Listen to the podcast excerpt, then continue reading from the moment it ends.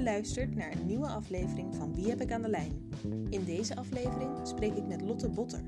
Zij vertelt mij meer over hondenvoeding en voedingsadvies. Heb jij altijd al willen weten waar brok van gemaakt wordt? Of vraag jij je wel eens af wat nou het verschil is tussen blikvoer en vers vlees? Dan is deze aflevering echt iets voor jou. Veel plezier met luisteren.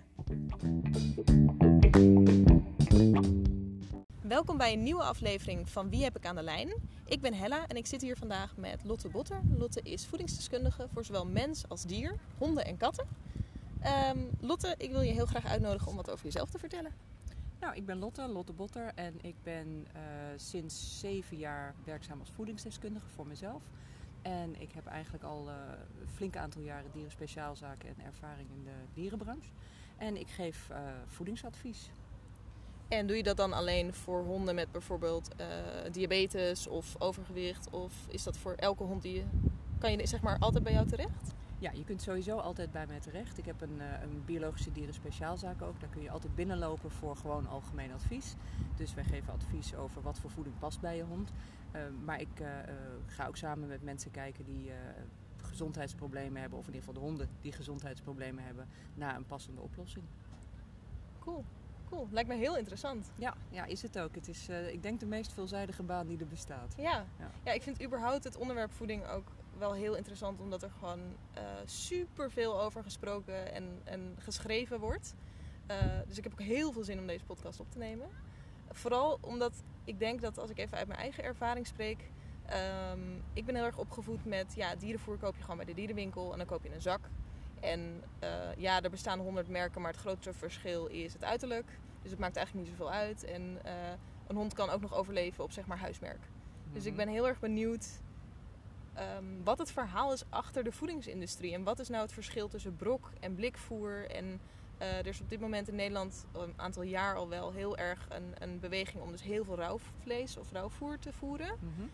Um, en laatst sprak ik iemand en die begon over dat het uh, ernstige risico's kan hebben voor bijvoorbeeld mensen met een lagere weerstand, zoals ouderen of baby's. Dus um, om even simpel te beginnen, ja, uh, ja wat, wat, wat, zou jij als eerst willen aanpakken? Um, even kijken. Nou, vooral uh, de uitspraak uh, dat alle voeding goed is. Dat, dat wordt vaak gezegd. Nou, dat is niet helemaal waar. Um, we hebben, uh, dus, er is wet en regelgeving voor wat er in honden- en kattenvoeding zou moeten zitten. Mhm. Mm -hmm. uh, dus in principe zou in theorie een hond geen tekorten krijgen, welke voeding je ook koopt. Of Ja. je nou in de supermarkt koopt of in de dierenspeciaalzaak of zelf maakt. Um, maar in de praktijk wil dat nog wel eens wat anders zijn. Hm. Dus ik zie nog wel eens honden die dus op lange termijn wel wat tekorten krijgen door bepaalde voeding. En Um, maakt het dan dus uit of je bijvoorbeeld. Want, want uh, een van de meest gehoorde die ik ook hoor is. Uh, ja, als je alleen brokken voert, dan weet je sowieso dat je fout zit. Want alleen brokvoer, ja, dan. dan uh, die brokjes, zeg maar, er zit nooit alles in. Terwijl als je op de zak kijkt, als je gaat kijken naar de samenstelling en de ingrediënten, zeg maar. dan lijkt het toch vaak best wel compleet. Ja, um, nou, het is een goede vraag. Um, ik zit even te kijken hoe ik dat het beste kan beantwoorden. Omdat voeding is namelijk vrij complex. Uh, het bestaat natuurlijk niet alleen uit eiwitten, vetten, koolhydraten. Maar mm -hmm. er bestaat ook een heleboel vitamine en mineralen en spoorelementen die daarin zitten. Dus uh, ik, ik denk dat mensen gauw te simpel denken. Het is een brok, dus de ene brok is dezelfde als de andere brok. Ja, dus precies. alle brokken over één kam scheren of alle rauwe voeding over één kam scheren. En wat ik ook altijd mijn studenten leer is, uh, je moet naar ingrediënten eigenlijk kijken. Dus wat hebben ze er nou eigenlijk in gedaan? Hm. En antwoord op die vraag krijg je dus niet zo vaak. Dus dat maakt het best wel ingewikkeld. Ja, ja en ook vooral denk ik omdat uh, de marketing van veel fabrikanten is natuurlijk ontzettend goed. Wat betekent dat jij uh, als mens al, al van vrij vroeg gewend bent om bijvoorbeeld te zien dat honden altijd een bepaald soort voer krijgen. Of bijvoorbeeld bij evenementen uh, zie je een aantal merken heel veel terugkomen. Ja. En zelfs uh, even uit eigen ervaring weer, als ik, toen ik mijn pup kocht, kreeg ik een zakje mee van de fokker met wat zij hebben gevoerd, wat volgens hun natuurlijk het beste is. Ja. En dat kan als je net begint met het houden van honden, kan dat best wel lastig zijn. Omdat je denkt, oh iedereen neemt dat voer, dus dat zal dan wel de beste honden opleveren. Ja, dat, dat is inderdaad een beetje hoe het werkt. Wie de grootste portemonnee heeft, kan de beste marketing veroorloven. En ja. uh, daarom hebben een paar grote jongens op de, uh, op de markt natuurlijk een voorsprong.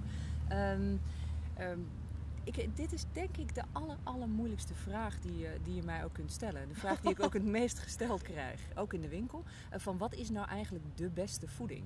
Maar wat eh, mensen vaak vergeten is, dan heb je, vraag je het alleen maar over kwaliteit. Het is een beetje alsof je een auto koopt of alsof je schoenen koopt.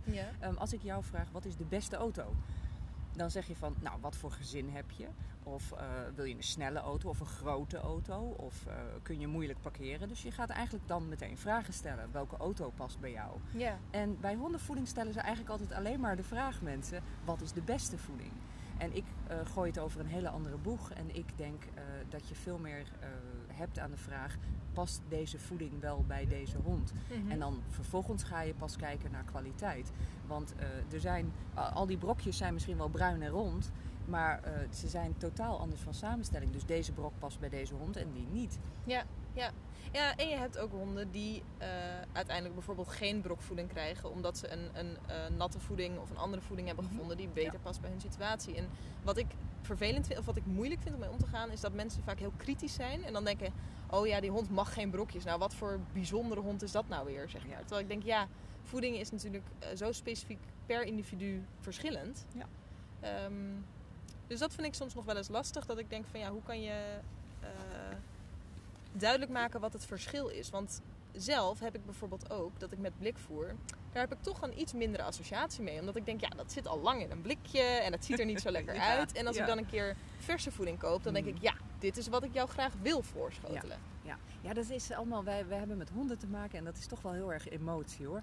Ehm, ik, ik moet er altijd een klein beetje om grinniken, omdat wij hebben een bepaald beeld van hoe dat dan zou moeten zijn. Ja, hè? klopt. We hebben een bepaald idee. Ik ken mensen die zeggen van ja, en dan geef je hem twee keer per dag droge brokken. Daar vindt hij toch helemaal niks aan. Mhm. Want ik kook ook graag lekker voor mezelf. Ja, dat is een visie. Dat is een manier om daarover na te denken. Ehm, maar we zitten vooral heel erg in emotie daarmee. Eh, want de vorm van de voeding, als je bijvoorbeeld een verse voeding, dat voorbeeld kan ik goed gebruiken. Ehm, bij een verse voeding willen mensen graag dat het op gehakt lijkt, want het is Ja. rauw vlees. Ja, En als het Ja. dan niet op gehakt lijkt, het is bijvoorbeeld een iets andere kleur of het heeft een iets andere substantie, dan vinden mensen daar meteen van wat van. Dit is geen goede voeding, want deze is van kleur wat anders of deze is heel grof of heel fijn gemalen. En dat zegt eigenlijk helemaal niks over de kwaliteit. nee. Nee, dat is grappig hè. Ja. En ehm, iets in mijn oog, geloof ik. Ehm, wat, als we het dan wat praktischer insteken. Mhm. Ik krijg ook vaak de vraag van... eh, ja, maar rauwe voeding of verse voeding, dat is veel te duur. Dat, dat geld heb ik niet. Is er dan een andere optie? Ehm, hoe kijk jij daar tegenaan? Ehm, nou, ik denk dat voeding van een goede kwaliteit duur is. Ik denk dat wij in Nederland ook met onze eigen voeding eh, gaat maar een heel klein percentage van ons inkomen naar onze voeding. Dus wij zijn eigenlijk niet gewend om veel geld uit te geven voor eten. Terwijl het eigenlijk je belangrijkste levensbehoefte is, ook bij honden. Ja, Dus ehm, goedkoop voer is goedkope voeding. Of het nou een brok is, een blik is of een verse voeding is. En verse voeding is het duurst, want vlees in de supermarkten is ook gewoon het duurst. Dierlijk product is waanzinnig duur. Hm. Dus Ja. ik zou eerder zeggen, als jij niet het geld hebt of er geld eraan uit wil geven om een goede diepvriesvers vleesvoeding te geven, kun je dat beter niet doen. Dan kun je beter kiezen voor een andere vorm van voeding die voordeliger is. ja, ja, dat is een heel goed advies. ik zit even goed na te denken, want ehm, zoals we eerder al zeiden, voeding is heel complex. Dus het is ook lastig om daar één op één een, een advies of een, een, ehm, een bepaalde boodschap over mee te geven. Omdat dat gewoon, ja, je kan dat niet in een algemene zin zeggen. Zeg maar. Je, je, eh, dat, maar waar ik nog steeds wel heel erg benieuwd naar ben en wat ik graag, waar, waarvan ik denk dat jij er wel meer over weet, is een beetje hoe, hoe het nou werkt. Want bijvoorbeeld het maken van brokvoeding. Mhm. Hoe, zit dat, hoe, hoe gaat dat? Hoe zorg je ervoor dat er in zo'n klein bruin brokje Mhm. allemaal verschillende inderdaad eiwitten en vezels en weet ik veel wat terechtkomen? Want is dat dan echt? Want er staat heel vaak bijvoorbeeld, een goed Mhm. voorbeeld, ehm 80% eh, eend of zo staat Ja. erop. Maar het is wel een brokje en het lijkt eerder op samengeperst zetmeel. Dus hoe zit dat dan precies? Wat is dat dan? Nou, goede vraag. Ehm, wat, wat, eh, wat ik mijn studenten altijd leer is dat eh, als je een brokje maakt, of het nou een geperst brokje is, of een koud geperst brokje, of een een krokant brokje. Eh, Ehm. we gaan hier denk ik wel een beetje snel, want je hebt dus gewone brokjes, Ja. koud geperste brokjes en krokante brokjes. Ja. We hebben een paar verschillende manieren om een brokje te maken. En eh, al deze manieren worden eh, gemaakt van dezelfde ingrediënten.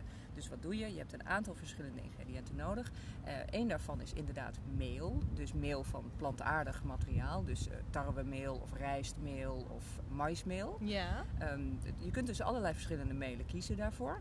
En dan heb je als tweede heb je een meel nodig van eh, dierlijk materiaal. Dus vlees of eh, dierlijke bijproducten. En dan ruik je natuurlijk nu al een beetje dat dat verschillende kwaliteit kan hebben. Ja. Je kunt duur meel kopen, goed meel, slecht meel, goedkoper meel. Want meel van dierlijke producten, het Mhm. eerste waar ik dan aan denk is botmeel bijvoorbeeld. Zou maar kunnen. dat ja. zou kunnen. En anders is het dan zo dat je bijvoorbeeld vlees droogt en daar dan meel van maakt? Ja, dat is hoe het werkt. Je maakt, eh, je moet je voorstellen, je hebt een, een kip. Laten we bijvoorbeeld een Ja. kip nemen. En die kip die wordt geslacht. Dan halen we alle delen ervan af die wij willen eten. Dus de kipfilets, de kippendijen, eh de pootjes, de vleugels. Ehm, dus de onderdelen die wij willen gebruiken voor, voor menselijke consumptie halen we eraf. En wat er overblijft, dat vermalen we. Dat verhitten we en Hm. dat malen we opnieuw. Dan krijg je dus een vleesmeel. Mhm. Dus eh, dat vleesmeel kan gemaakt worden van dus eigenlijk in theorie van die hele kip. Ja. Maar het kan ook alleen maar gemaakt worden, bijna alleen maar gemaakt worden van botten of pezen of zenen of ingewanden. Ja. En afhankelijk van waar je dat meel van gemaakt hebt, heb je dus duurder of goedkoper meel. Ehm, ik zit eigenlijk meteen ook te denken aan eh, de boodschap die de laatste tijd ook wat meer opkomt. Namelijk dat eh, veel brokvoeding geven, en nu vanwege dat meel moet ik daaraan denken, Mhm. dat dat veel tandaanslag geeft. Omdat het eh, redelijk blijft hangen en dat krijgen ze dan niet weg. Een oplossing daarvoor, of tenminste de oplossing die ik toepas moet ik eigenlijk zeggen, Mhm. is het geven van veel kauwproducten. Veel kauwsnacks en dergelijke.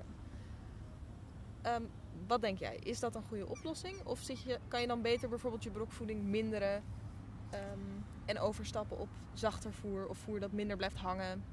Ehm, bij deze vraag is het vooral denk ik als eerste belangrijk dat je ook weer, eh, wat ik net ook al zei, eh, geen hond is hetzelfde. Dus dat je eerst gaat kijken van waarom heeft die hond tandplakken of tandaanslag. Ehm, sommige honden hebben namelijk tandaanslag omdat hun ton- tanden veel te dicht op elkaar staan. Of eh, Ja. omdat ze een, een beetje een raar gevormd waffeltje, bekje hebben, waar, waardoor er gewoon veel aan blijft plakken. Ja. Ten tweede heeft het te maken met hoe je speeksel samengesteld is. Daarom krijgt de ene hond veel meer tandaanslag dan de andere. Als jouw Hmm. speeksel een bepaalde samenstelling heeft, heb je daar veel meer aanleg voor. Dus we moeten even bekijken hoe belangrijk die voeding in dat verhaal is. Het is Ja. dus niet alleen het licht aan de voeding. Het is de combinatie van deze hond en deze voeding. Ja. Nou, het stukje wat overblijft is inderdaad het licht aan de voeding. En dan zijn er een aantal dingen die plakken aan je tanden. En zetmeel is daar één van. Ja. En brokjes worden inderdaad gemaakt deels van zetmeel. Dus dat plakt. ja, precies. En dan kun je kauwproducten geven om dat schoon te maken. Maar eigenlijk kun je het allerbeste poetsen. Mhm, mhm. En hoe zit dat dan met, eh, want je hebt ook een winkel zeg je. En mensen die bij jou komen, wat, wat zijn dan de meeste, is dit zeg maar iets wat je ook vaak hoort? Ja, of wat zijn, ja, dit eh, is wel een van de meest gestelde vragen. Mensen komen heel vaak kauwmateriaal halen voor honden. En dat is echt een trend van de afgelopen 15 jaar. Ja, klopt. Want dat valt mij dus ook op. Dat dat echt een, een, een ding is Ja. nu. Ja, dat, we toen ik mijn eerste dierenwinkel had, was ik 23, dus 15 jaar geleden.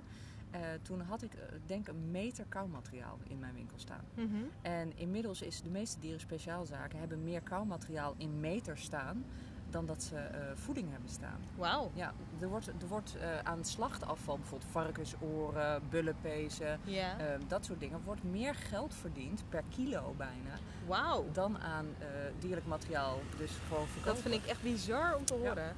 Ja. Maar ik kan het me wel goed voorstellen. Ja. Ja. Je kunt je voorstellen, een heel mooi voorbeeld vind ik altijd eh, bijvoorbeeld varkensoren. Wij, ik heb dan een biologische dierenwinkel, maar je betaalt zeg maar voor een varkensoor 1,50 euro. Een varken heeft er twee. Dan verdien je dus per varken al 3 euro alleen al aan twee oren. Aan de oren. Ja. Ja. ja. Indrukwekkend wel. Ja, toch? Ja. Maar we- om terug te komen op je vraag, dat is eh, of kauwmateriaal dan helpt eh, bij het voorkomen van tandaanslag. Is, eh, je moet wel kijken naar wat voor kauwmateriaal je geeft. Want als jij je tanden gaat poetsen met een eh babytanden, ja, of met ja. een babytandenborsteltje, Mhm. dan krijg je ook niet alles eraf. Dus je moet wel kijken naar hoe zit dat kauwmateriaal in elkaar. Dus je hebt een bros, wat harder kauwmateriaal nodig om überhaupt te kunnen schoonmaken. Mhm. En natuurlijk niet iedere hond ehm, vindt dat ook leuk. Er zijn ook honden, weet ik, eh, die gewoon niet zo geïnteresseerd zijn Nee. in koude dingen. En die hebben gewoon zoiets van, nou, bedankt baas dat je voor 11 euro en eh, weet ik veel wat hebt gehaald. Ja. Maar ik lik er drie keer aan en daarna laat ik hem links liggen. Ja, dat is zeker waar. En ehm, daarom adviseer ik eigenlijk al mijn klanten om vanaf jongs af aan te beginnen met te poetsen. Ja, dit vind ik een leuke. Want eh, dit is denk ik eentje waar heel veel controversiële discussies over zijn. Omdat je een beetje een team wel poetsen hebt. En je hebt, hebt het team van, nou vroeger deed men dat ook niet. Nee, toen hadden Dus dat honden is ook allemaal nodig. rotte tanden. Ja, nou ja, dat vind ik dus Ja. altijd heel grappig. Want dan denk ik, ja, dat ze het niet deden wil niet zeggen dat het niet nodig was. Nee, eh, dat wij vroeg onze tanden ook minder poetsten, betekent ook niet dat het niet nodig was. Nee, dat ja. is wel een dingetje. Ja, ja. en eh, nu we toch op dit spoor zitten, Mhm. een hele leuke die, eh, om ook nog even te benoemen. Ehm, vroeger aten honden volgens veel mensen altijd Mhm. met de pot mee. Ja. Daarom zouden ze ook van alles en nog wat mogen hebben. Mhm. En is het ook helemaal niet erg als jij je kipkluifje geeft als je kipvleugels hebt gegeten of Ja. weet ik veel wat. Ja, dan geef je nou net niet het Nee. hele mooie voorbeeld. Nee. Maar eh, nou, in principe heb je gelijk. De mensen die dat zeggen hebben gelijk. Mhm. Honden leven eigenlijk al nou ja, zo'n 30.000 jaar om mensen heen. En al 30.000 jaar eten die honden dus wat wij als afval zien. Honden zijn ontzettend flexibel in, eh, in hun zijn, in het aanpassen aan wat ze krijgen. Dus we kunnen gaan kijken naar wat is perfect voor een hond, dat is één vraag. Maar als je vraagt, eh, kan het kwaad, dan is, die vraag, dan is het antwoord vaak nee. Het geven van wat tafelresten, geen kipkluifjes, laat ik daar duidelijk over zijn. Exact. Maar eh, wat geven van wat groenteresten eh, of aardappelresten op het moment dat jij dus met weinig zout kookt, hoeft helemaal geen probleem te zijn. Een hond kan daar heel erg goed mee overweg. En zeker een volwassen gezonde hond kan dat geen kwaad. Nee, en die kipkluifjes noemde ik dus ook, om dat even recht te trekken. Dat is er dus eentje waarvan we zeggen van nou, dat, daar, daarvan zou je denken van oh, het is vlees, het is kip, dat eet mijn hond. Ja. Maar dat is er dus precies één waarvan we zeggen, hé, hey, liever niet. Nee, kippenbotjes, eh, zeker als ze verhit zijn, zijn ze scherp en onverteerbaar voor een hond. Dus dat is nou net eentje die je niet moet doen. Nee. Maar mijn moeder gaf vroeger al de restjes van het vlees wat zij afsneed. Dus de, eh, de restjes van bijvoorbeeld een entrecot of een, eh, een, een, een stukje kip of zo. eh, als rest aan de hond. En dat, dat mag gewoon. Ja. Ja. En wat zijn nou dingen eh, die je eigenlijk echt niet aan je hond mag geven? Zijn er producten, ingrediënten, whatever, waarvan we zeggen van... Nou ja, kijk, de, sommige dingen kan je voorstellen. Eh chocopasta, een paaseitje, eh, weet je, die zijn allemaal niet bedoeld voor een hond ook. Maar als we nou kijken naar bijvoorbeeld een gemiddelde maaltijd van Nederlanders... is tegenwoordig ook niet alleen meer aardappelen en slavinken. Mm. We eten super exotisch. Ja. Heel veel producten die bij ons eigenlijk ook niet van nature voorkwamen. Mhm. Dus wanneer is het wel of niet geoorloofd om iets aan je hond te geven? Nou, ik denk dat eh, de belangrijkste is dat verwerkte producten eh, voor mensen, dus worst en kaas en, en dat soort eh, knakworst of frikandellen, waar nog wel eens mee getraind wordt op Ja, hondenscholen, staan zo stijf van zowel zout als smaakversterkers, geurkleur en smaakstoffen. Mhm. Eh, dat wij zien ontzettend veel problemen bij honden daardoor. Dus als ik één tip mag geven, dan is het als je een hond al iets geeft, geef hem dan iets wat van nature al één ding is. Een stukje kipfilet of een plakje komkommer Hmm. of een beetje groente. Maar geen dingen die ze in de fabriek al verwerkt hebben. Zijn voor mensen ook niet zo goed, maar voor honden zijn die heel erg slecht. Ja, dat kan ik begrijpen. Maar ik moet ook gelijk denken aan voorbeelden van honden. eh, bijvoorbeeld herplaatsers uit het buitenland. Honden met ernstige angst. Honden met eh, zeg maar trainingsdoelen die, die lastig te behalen zijn. Behalve op het moment dat je bijvoorbeeld een stukje rookworst of een stukje kaas voor je neus houdt. En dan zegt een hondentrainer soms, niet altijd laat ik dat duidelijk maken. eh, als jij weet dat jouw hond door het vuur gaat voor een stukje kaas. En dat zorgt ervoor dat jij een bepaalde, eh, bepaald obstakel kan overwinnen. Of een bepaalde oefening kan doen die nodig is om in jouw dagelijks leven rond te komen. Zonder angst of zonder twijfel of Mhm. whatever. Ja. Dan geef je, of tenminste dan ben ik geneigd om eh, toch dat stukje kaas te geven. Want ja, wordt hij daar nou echt slechter van dan? Nou, dat, dat, je zegt het eigenlijk al best wel goed. Eh, in uitzonderlijke gevallen, als het echt nodig is, als het echt meerwaarde heeft, nee. Ja. Wat ik zeg, honden zijn altijd een soort van aaseters geweest. Eh, hij overleeft het prima als je hem een stukje kaas geeft. Ehm, maar de andere kant is ook dat ik trainers zie die zeggen... ja, als ik met een hond aan het trainen ben... dan wil ik verschillende valuta bij me hebben Ja. voor verschillende opdrachten. En dan komen we aan met zakken met kaas en worst en, en leverworst. En dan denk ik, ja, ehm, daar moet je wel voorzichtig mee zijn, Mm. denk ik. Oké, duidelijk. Ehm, dan wil ik toch ook nog even teruggrijpen op de dingen die we dus beter niet kunnen geven. Dus dan hebben we nu de bewerkte voeding gehad. Ehm, een bekende die ik weet is bijvoorbeeld druiven. Ja. Druiven moet je niet geven, net als appelpitjes vanwege dat eh, zuur wat erin zit. Ehm, zijn er nog andere dingen waarvan je zegt van nou, ik hoor dit in de praktijk best wel vaak terugkomen, doe nou maar niet. Ja, kaas geven aan puppies. Kom ik weer op kaas. Ja. Omdat kaas waanzinnig veel calcium bevat. En als je het hebt over het opgroeien en puppies, dan is dat een hele belangrijke. Dus puppies moet je niet trainen met kaas. Oké, want wat is het nadeel van te veel calcium in een pup stoppen? Ehm, als jij een puppy, en zeker puppies van grote rassen, eh, met grote regelmaat eh, te veel calcium gaat geven, kunnen ze letterlijk vergroeien krijgen. Ja. En dat willen we niet. Botvergroeien dan? Echt. Ja. Dus ik denk dat dat het belangrijkste is. En eh, wat je ook zegt, druiven, maar ook rozijntjes dus. Ja. Ehm, dus, en dus ook, ook krentenbollen. krentenbollen. Precies, ja. ja, krentenbrood, krentenbollen. Ehm, eh, mensen denken vaak dat dat meevalt, maar dat verschilt heel erg per hond. Want ik ken een tekkeltje die naar het eten van twee doosjes rozijnen dus echt aan nierfalen dood is gegaan. Ja, het is goed dat je dat zegt, want inderdaad, ehm, de mate of de hoeveelheid die ze hebben ingenomen en de grootte van de hond speelt natuurlijk wel mee. Dus als Ja. je een Deense dog hebt en die eet een stukje witte chocola, zal die niet in één keer omvallen. Nee hoor. Nee. Maar heb je een chihuahua en die eet een halve reep, zeg maar, Ja. dan is het natuurlijk levensgevaarlijk. Nou, en zeker hoe donkerder de chocola, want hoe meer cacao erin Ja. zit, want daar zit dat stofje in waar ze niet tegen kunnen. Ehm, eh, een oud huistuin- en keukentrucje, nou je het erover hebt, was vroeger als een hond pijn had, gaven ze hem paracetamol. oh, ehm, nee toch? Nou, vroeger werd het aspirine. We, we Ja, gebruikten ja, vroeger aspirine en dat werd gegeven. En op een gegeven moment was het een soort van dingetje in hondenland. Dan ging je een hond paracetamol geven. Paracetamol is kei giftig voor honden. Ja. Dus dat is ook zo'n ding. De- Geen dingen die voor mensen zijn aan honden geven. Want de lever en de nieren, het systeem van de hond reageert gewoon echt anders. Mhm. Dus geen, geen eh, supplementen van jezelf geven aan je hond. Nee, je hoort inderdaad ook wel eens dat mensen bepaalde eh, eh, letterlijk de pil geven aan een hond omdat ze wil dat ze niet meer loop zijn of zo. Dat moet je gewoon echt niet doen. Nee. Daar, daar kunnen we heel duidelijk over zijn. Dat is er niet voor bedoeld. Dat heeft hele erge consequenties. Ja, niet doen precies. gewoon. Ehm, er schoot mij net nog iets leuks ook te binnen. Want we hadden het over dingen die je niet mocht geven. Ehm, oh, ik heb een boek meegenomen. Ik hoop dat eh, er niet te veel ruis nu komt in de podcast. Zou je deze even willen vasthouden? Ehm, dit is namelijk een van mijn favorieten. En ik vroeg me af of je hem kent. En je mag hem ook even doorkijken. Ik ben namelijk heel benieuwd omdat hier...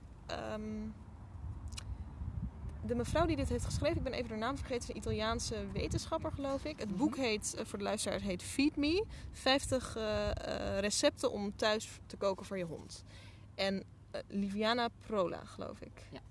En ehm, ik vind hem heel interessant. Want kijk, laat ik eerst zeggen, ik had nog nooit in mijn leven een boek gezien met recepten voor honden. En toen Mhm. dacht ik, wauw, er zijn mensen die dus echt de tijd nemen om gewoon uitgebreid een vijf sterren diner te koken voor hun hond. Ja. Ehm, er staan ook echt de. de ehm, ja, oh ja, je, ze wijst op dit moment het stukje kaas aan. Ja, dat zegt maar weer wat. Want inderdaad, er staan hier een heleboel dingen in waarvan ik dacht, nou, dat heb ik toch echt anders geleerd. Ja. Bepaalde producten die ze gebruikt, bepaalde hoeveelheden die ze gebruikt. Eh, ik heb hem onder andere gekocht omdat er inderdaad een hoofdstuk eh, puppy nutrition in staat. Mhm. En dat had natuurlijk meteen mijn aandacht. Omdat ik Ja. dacht, oké, eh, er is schijnbaar dus ook nog een, een speciale sectie voor, voor puppies qua Mhm. voeding. Ja. Ehm, laat ik jou even aan het woord. Want eh, waarom ik dit aan je vraag is, er Ja. staat in dat je absoluut geen varkensvlees mag geven aan de hond. En toen vroeg ik me af, hoe Staat zit dat? Staat dat erin? Want ik pak er net een recept namelijk bij waarin ze dus eh Ja, waarin ze wel... schouder gebruikt. Ja, dat vind ik dus ook heel gek. Want ze heeft ergens voorin Ik had hem net ook. Dan zegt ze van eh, dingen die je niet mag geven aan de hond. En daar staat pork tussen. Of in ieder geval in de, in, niet in grote hoeveelheden. Laten we het daarop houden. De reden dat, eh, dat we eigenlijk geen varkensvlees aan honden geven, is omdat eh, in, in een heleboel verwerkte voedingen, brokvoedingen, blikvoedingen, zit gewoon varkensvlees. Laat ik dat vooropstellen. De grote merken, ook de allergrootste merken die er zijn, Ja? gebruiken gewoon gedroogd varkensvlees in een meelvorm, zoals ik toen straks uitlegde, in hun voeding. Ehm, daar is niks mis mee. Ehm, de, het negatieve wat we horen over varkensvlees is eh, gekomen door een ziekte die eh, tot een jaar of 15 geleden nog voorkwam in Europa. En dat is de ziekte van Arjevski. En dat is een varkensziekte. En die ziekte is dus heel erg gevaarlijk voor honden. Hm. En eh, de reden dat wij dus zeggen geen varkensvlees betekent geen rauw varkensvlees.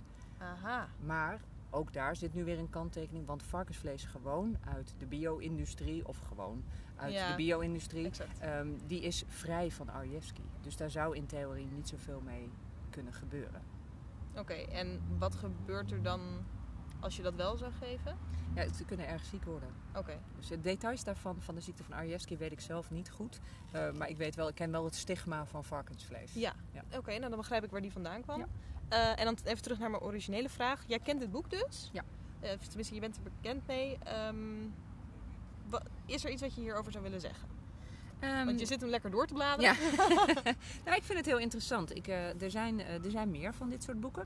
Ehm, als je feitelijk gaat kijken naar voeding, dan is dit heel logisch. Want eh, wa- wat ik net begon te vertellen, met in, in een, als jij bijvoorbeeld een brokje zou maken, dan doe je daar plantaardig materiaal in, in meelvorm. Dan doe je daar dierlijk materiaal in, in meelvorm in. En dan doe je daar wat olie en vetten bij. En eh, vitamine en mineralen. En eigenlijk is dus koken voor je hond gewoon een methode om dat te geven. Ja. Als je dat in bepaalde verhoudingen doet, is dat hartstikke gezond. Maar dat geldt dus ook voor het brokje, voor het blikje en voor het diepvriesvers vlees. Ja.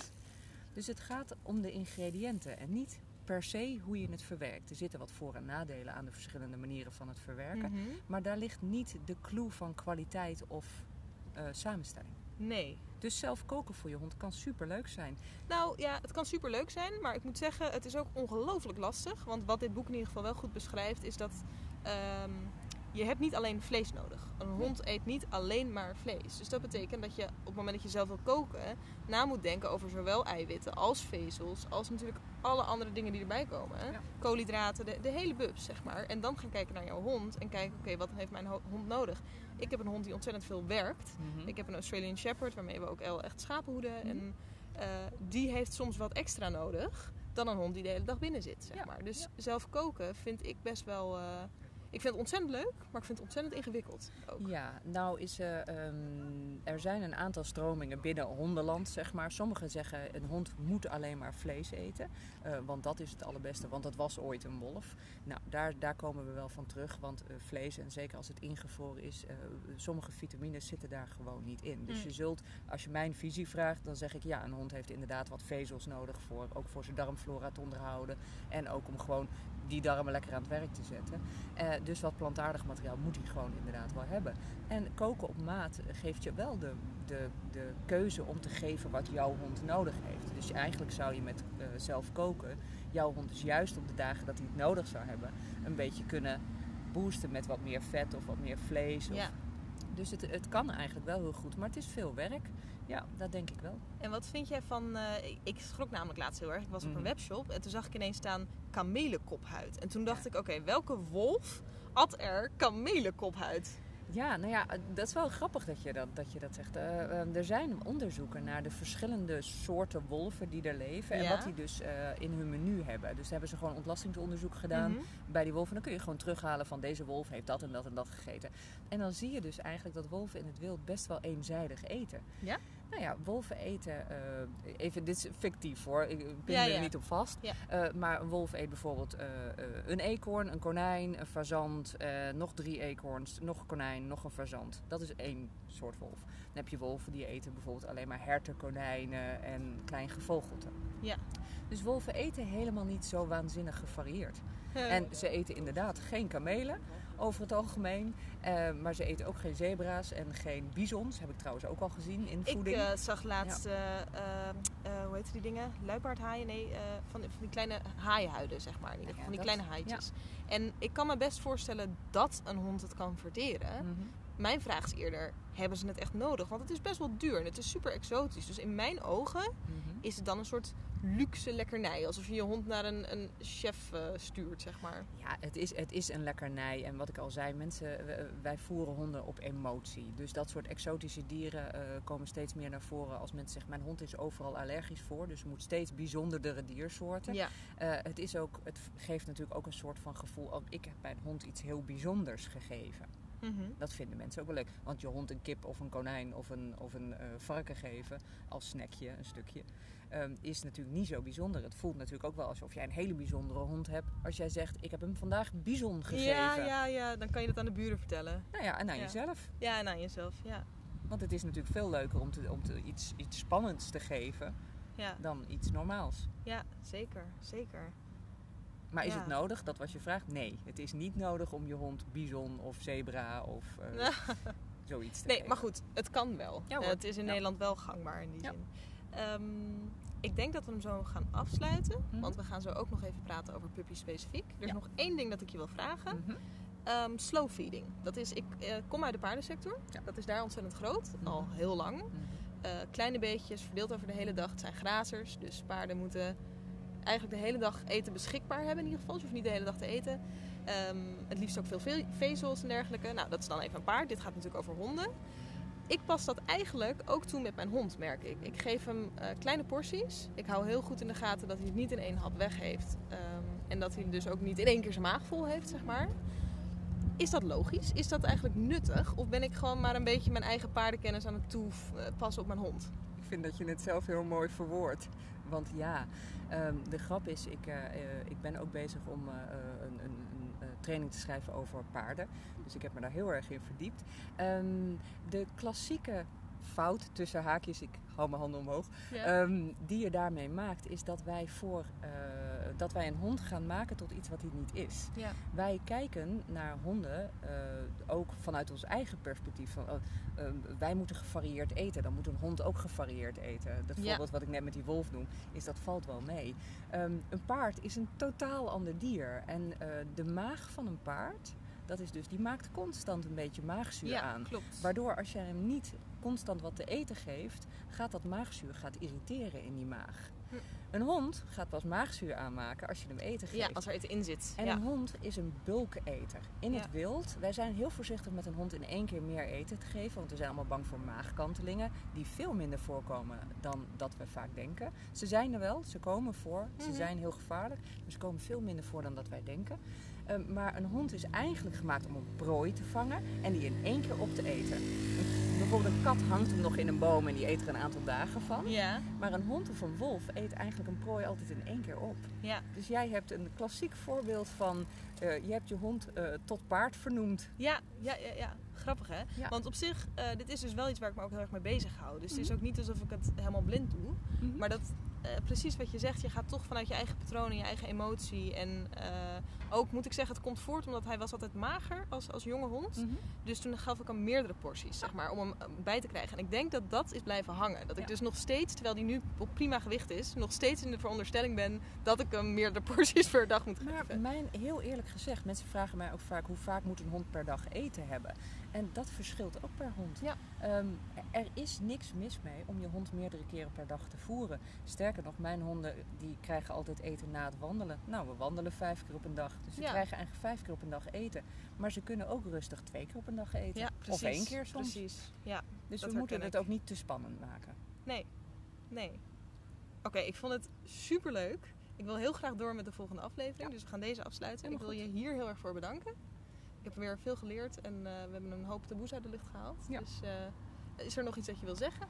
Ehm, nou ja, kijk vooral gewoon naar je hond. Als een hond het gewoon goed doet op de voeding die hij krijgt, dan is het goed. Ja. Dus je hoeft je niet geroepen te voelen om constant maar te veranderen. Oké, Ja. mooi. Dankjewel. Dit was het weer voor deze aflevering. Ik hoop dat je het leuk vond. Heb je vragen of heb je opmerkingen, dan kun je deze altijd sturen naar hella.hellashondenadvies.nl. Het mailadres staat ook nog in de show notes. Heel erg bedankt voor het luisteren en tot volgende keer.